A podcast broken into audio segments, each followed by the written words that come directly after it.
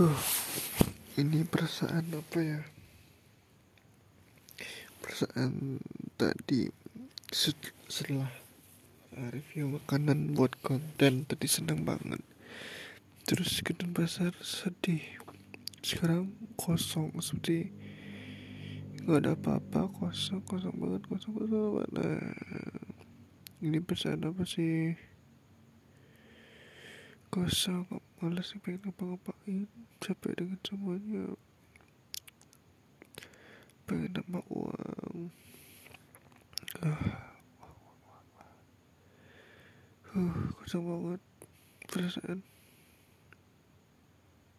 Kenapa ya? Kosong. Kenapa? Kosong. Nggak tahu mau ngapain apa nggak tahu. Ah kosong banget